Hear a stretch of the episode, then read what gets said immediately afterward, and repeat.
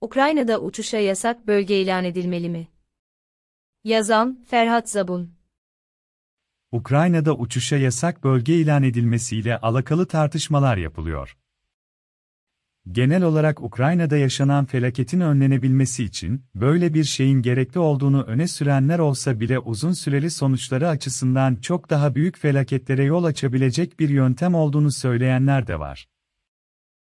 Hatta belli kesimler bunun 3. Dünya Savaşı'na sebebiyet verebileceğini öne sürüyor. Bu yazıda Ukrayna'da uçuşa yasak bölge ilan edilmeli mi sorusu üzerinde duracağım. Geçen hafta uluslararası ilişkiler profesörleriyle bir anket yapıldı ve Ukrayna'daki duruma dair belli sorular soruldu. İlk sorulan soru Rusya'nın önümüzdeki ay içinde tahmini olarak Ukrayna'ya ne tür bir müdahalede bulunacağıyla alakalı. Genel kanı Rusya'nın geleneksel silahlar kullanarak saldırıya devam edeceği üzerine. Rusya kimyasal ya da biyolojik silah kullanır mı sorusu için ise uzmanların %47'si kullanma ihtimali yüksek cevabını veriyor. Ukrayna üzerinde nükleer silah kullanma ihtimalini ise uzmanların 5'te biri muhtemel görüyor. Anketin bu kısmındaki soruların asıl önemli kısmı ise uçuşa yasak bölge ilan edilmesi durumunda bu sonuçların nasıl değişeceği üzerine. Uluslararası ilişkiler uzmanlarına göre uçuşa yasak bölge ilanı herhangi bir tür silah kullanımı ihtimalini önemli derecede artırıyor. Özellikle uzmanların %9'u normalde Rusya'nın NATO ülkeleri üzerinde nükleer kullanma ihtimalini muhtemel görürken, uçuşa yasaklı bölge ilan edilmesi durumunda bu ihtimalin %22'ye çıkacağını söylüyor. Buradaki önemli nokta bu yüzdelerden ziyade uçuşa yasaklı bölge fikrinin bölgede çatışma ihtimalini artıracağı ve hatta savaşın başka bölgelere ve ülkelere de yansıyabileceği üzerine. Anketteki başka sorulardan birisi de Amerika Birleşik Devletleri'nin Ukrayna'nın işgaline karşı ne tepki vermesi gerektiğiyle alakalı.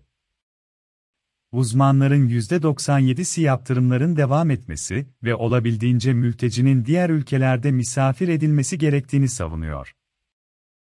Bunun dışında yaklaşık %86'lık bir kısım Ukrayna'ya silah yardımına devam edilip Rusya'dan gaz ve petrol alımının durdurulmasının mantıklı olduğunu söylüyor.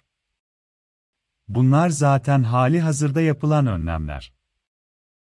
Çüşe yasaklı bölge ilan edilmeli mi sorusuna evet diyenlerin oranı ise %7.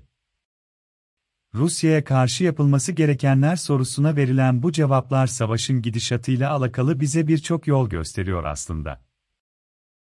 Savaşın finansmanını önlemek ve halk arasında belli bir bıkkınlık yaratıp Putin'e baskı yapmalarını sağlamak amacıyla yapılan ekonomik yaptırımlar şu anda hem savaşı tırmandırmayacak hem de Rusya'yı belli ölçüde zayıflatacak en önemli husus gibi duruyor.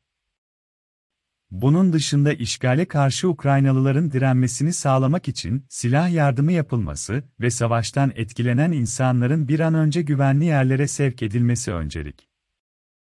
Diğer bir yandan Rusya'ya gaz ve petrol üzerinden bağımlı olan devletlerin yavaş yavaş bu bağımlılıklarını azaltmak için bu maddelerin fiyatının artmasını göze alarak bu bağımlılığı azaltmaya çalıştığını görüyoruz.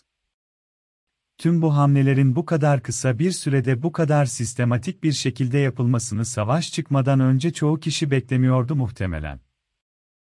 Ama bu önlemler dışında Amerika Birleşik Devletleri'nin ya da diğer NATO ülkelerinin Rusya ile birebir çatışmaya girmesine neden olacak herhangi bir hamle savaşın gidişatını çok kötü yönlere çekebilir. Savaşın gidişatını kötüye götürecek en büyük iki hamle ise uçuşa yasak bölge ilan ederek muhtemel bir Rusya-NATO çatışmasına yol açmak ya da Ukrayna'ya asker göndererek bu çatışmaya direkt olarak sebebiyet vermek. Uluslararası kamuoyunun şu anda en önemli önceliklerden birisi tabii ki de bu işgali elinden geldiğince önlemeye çalışmak, ama diğer önemli bir öncelik de bu savaşın daha da büyümesini önlemek. Uçuşa yasak bölge üzerinden NATO güçleri ve Rusya arasındaki sıcak bir çatışma Putin'in köşeye sıkışmaya başladığı şu günlerde çok daha büyük bir savaşa sebep olabilir.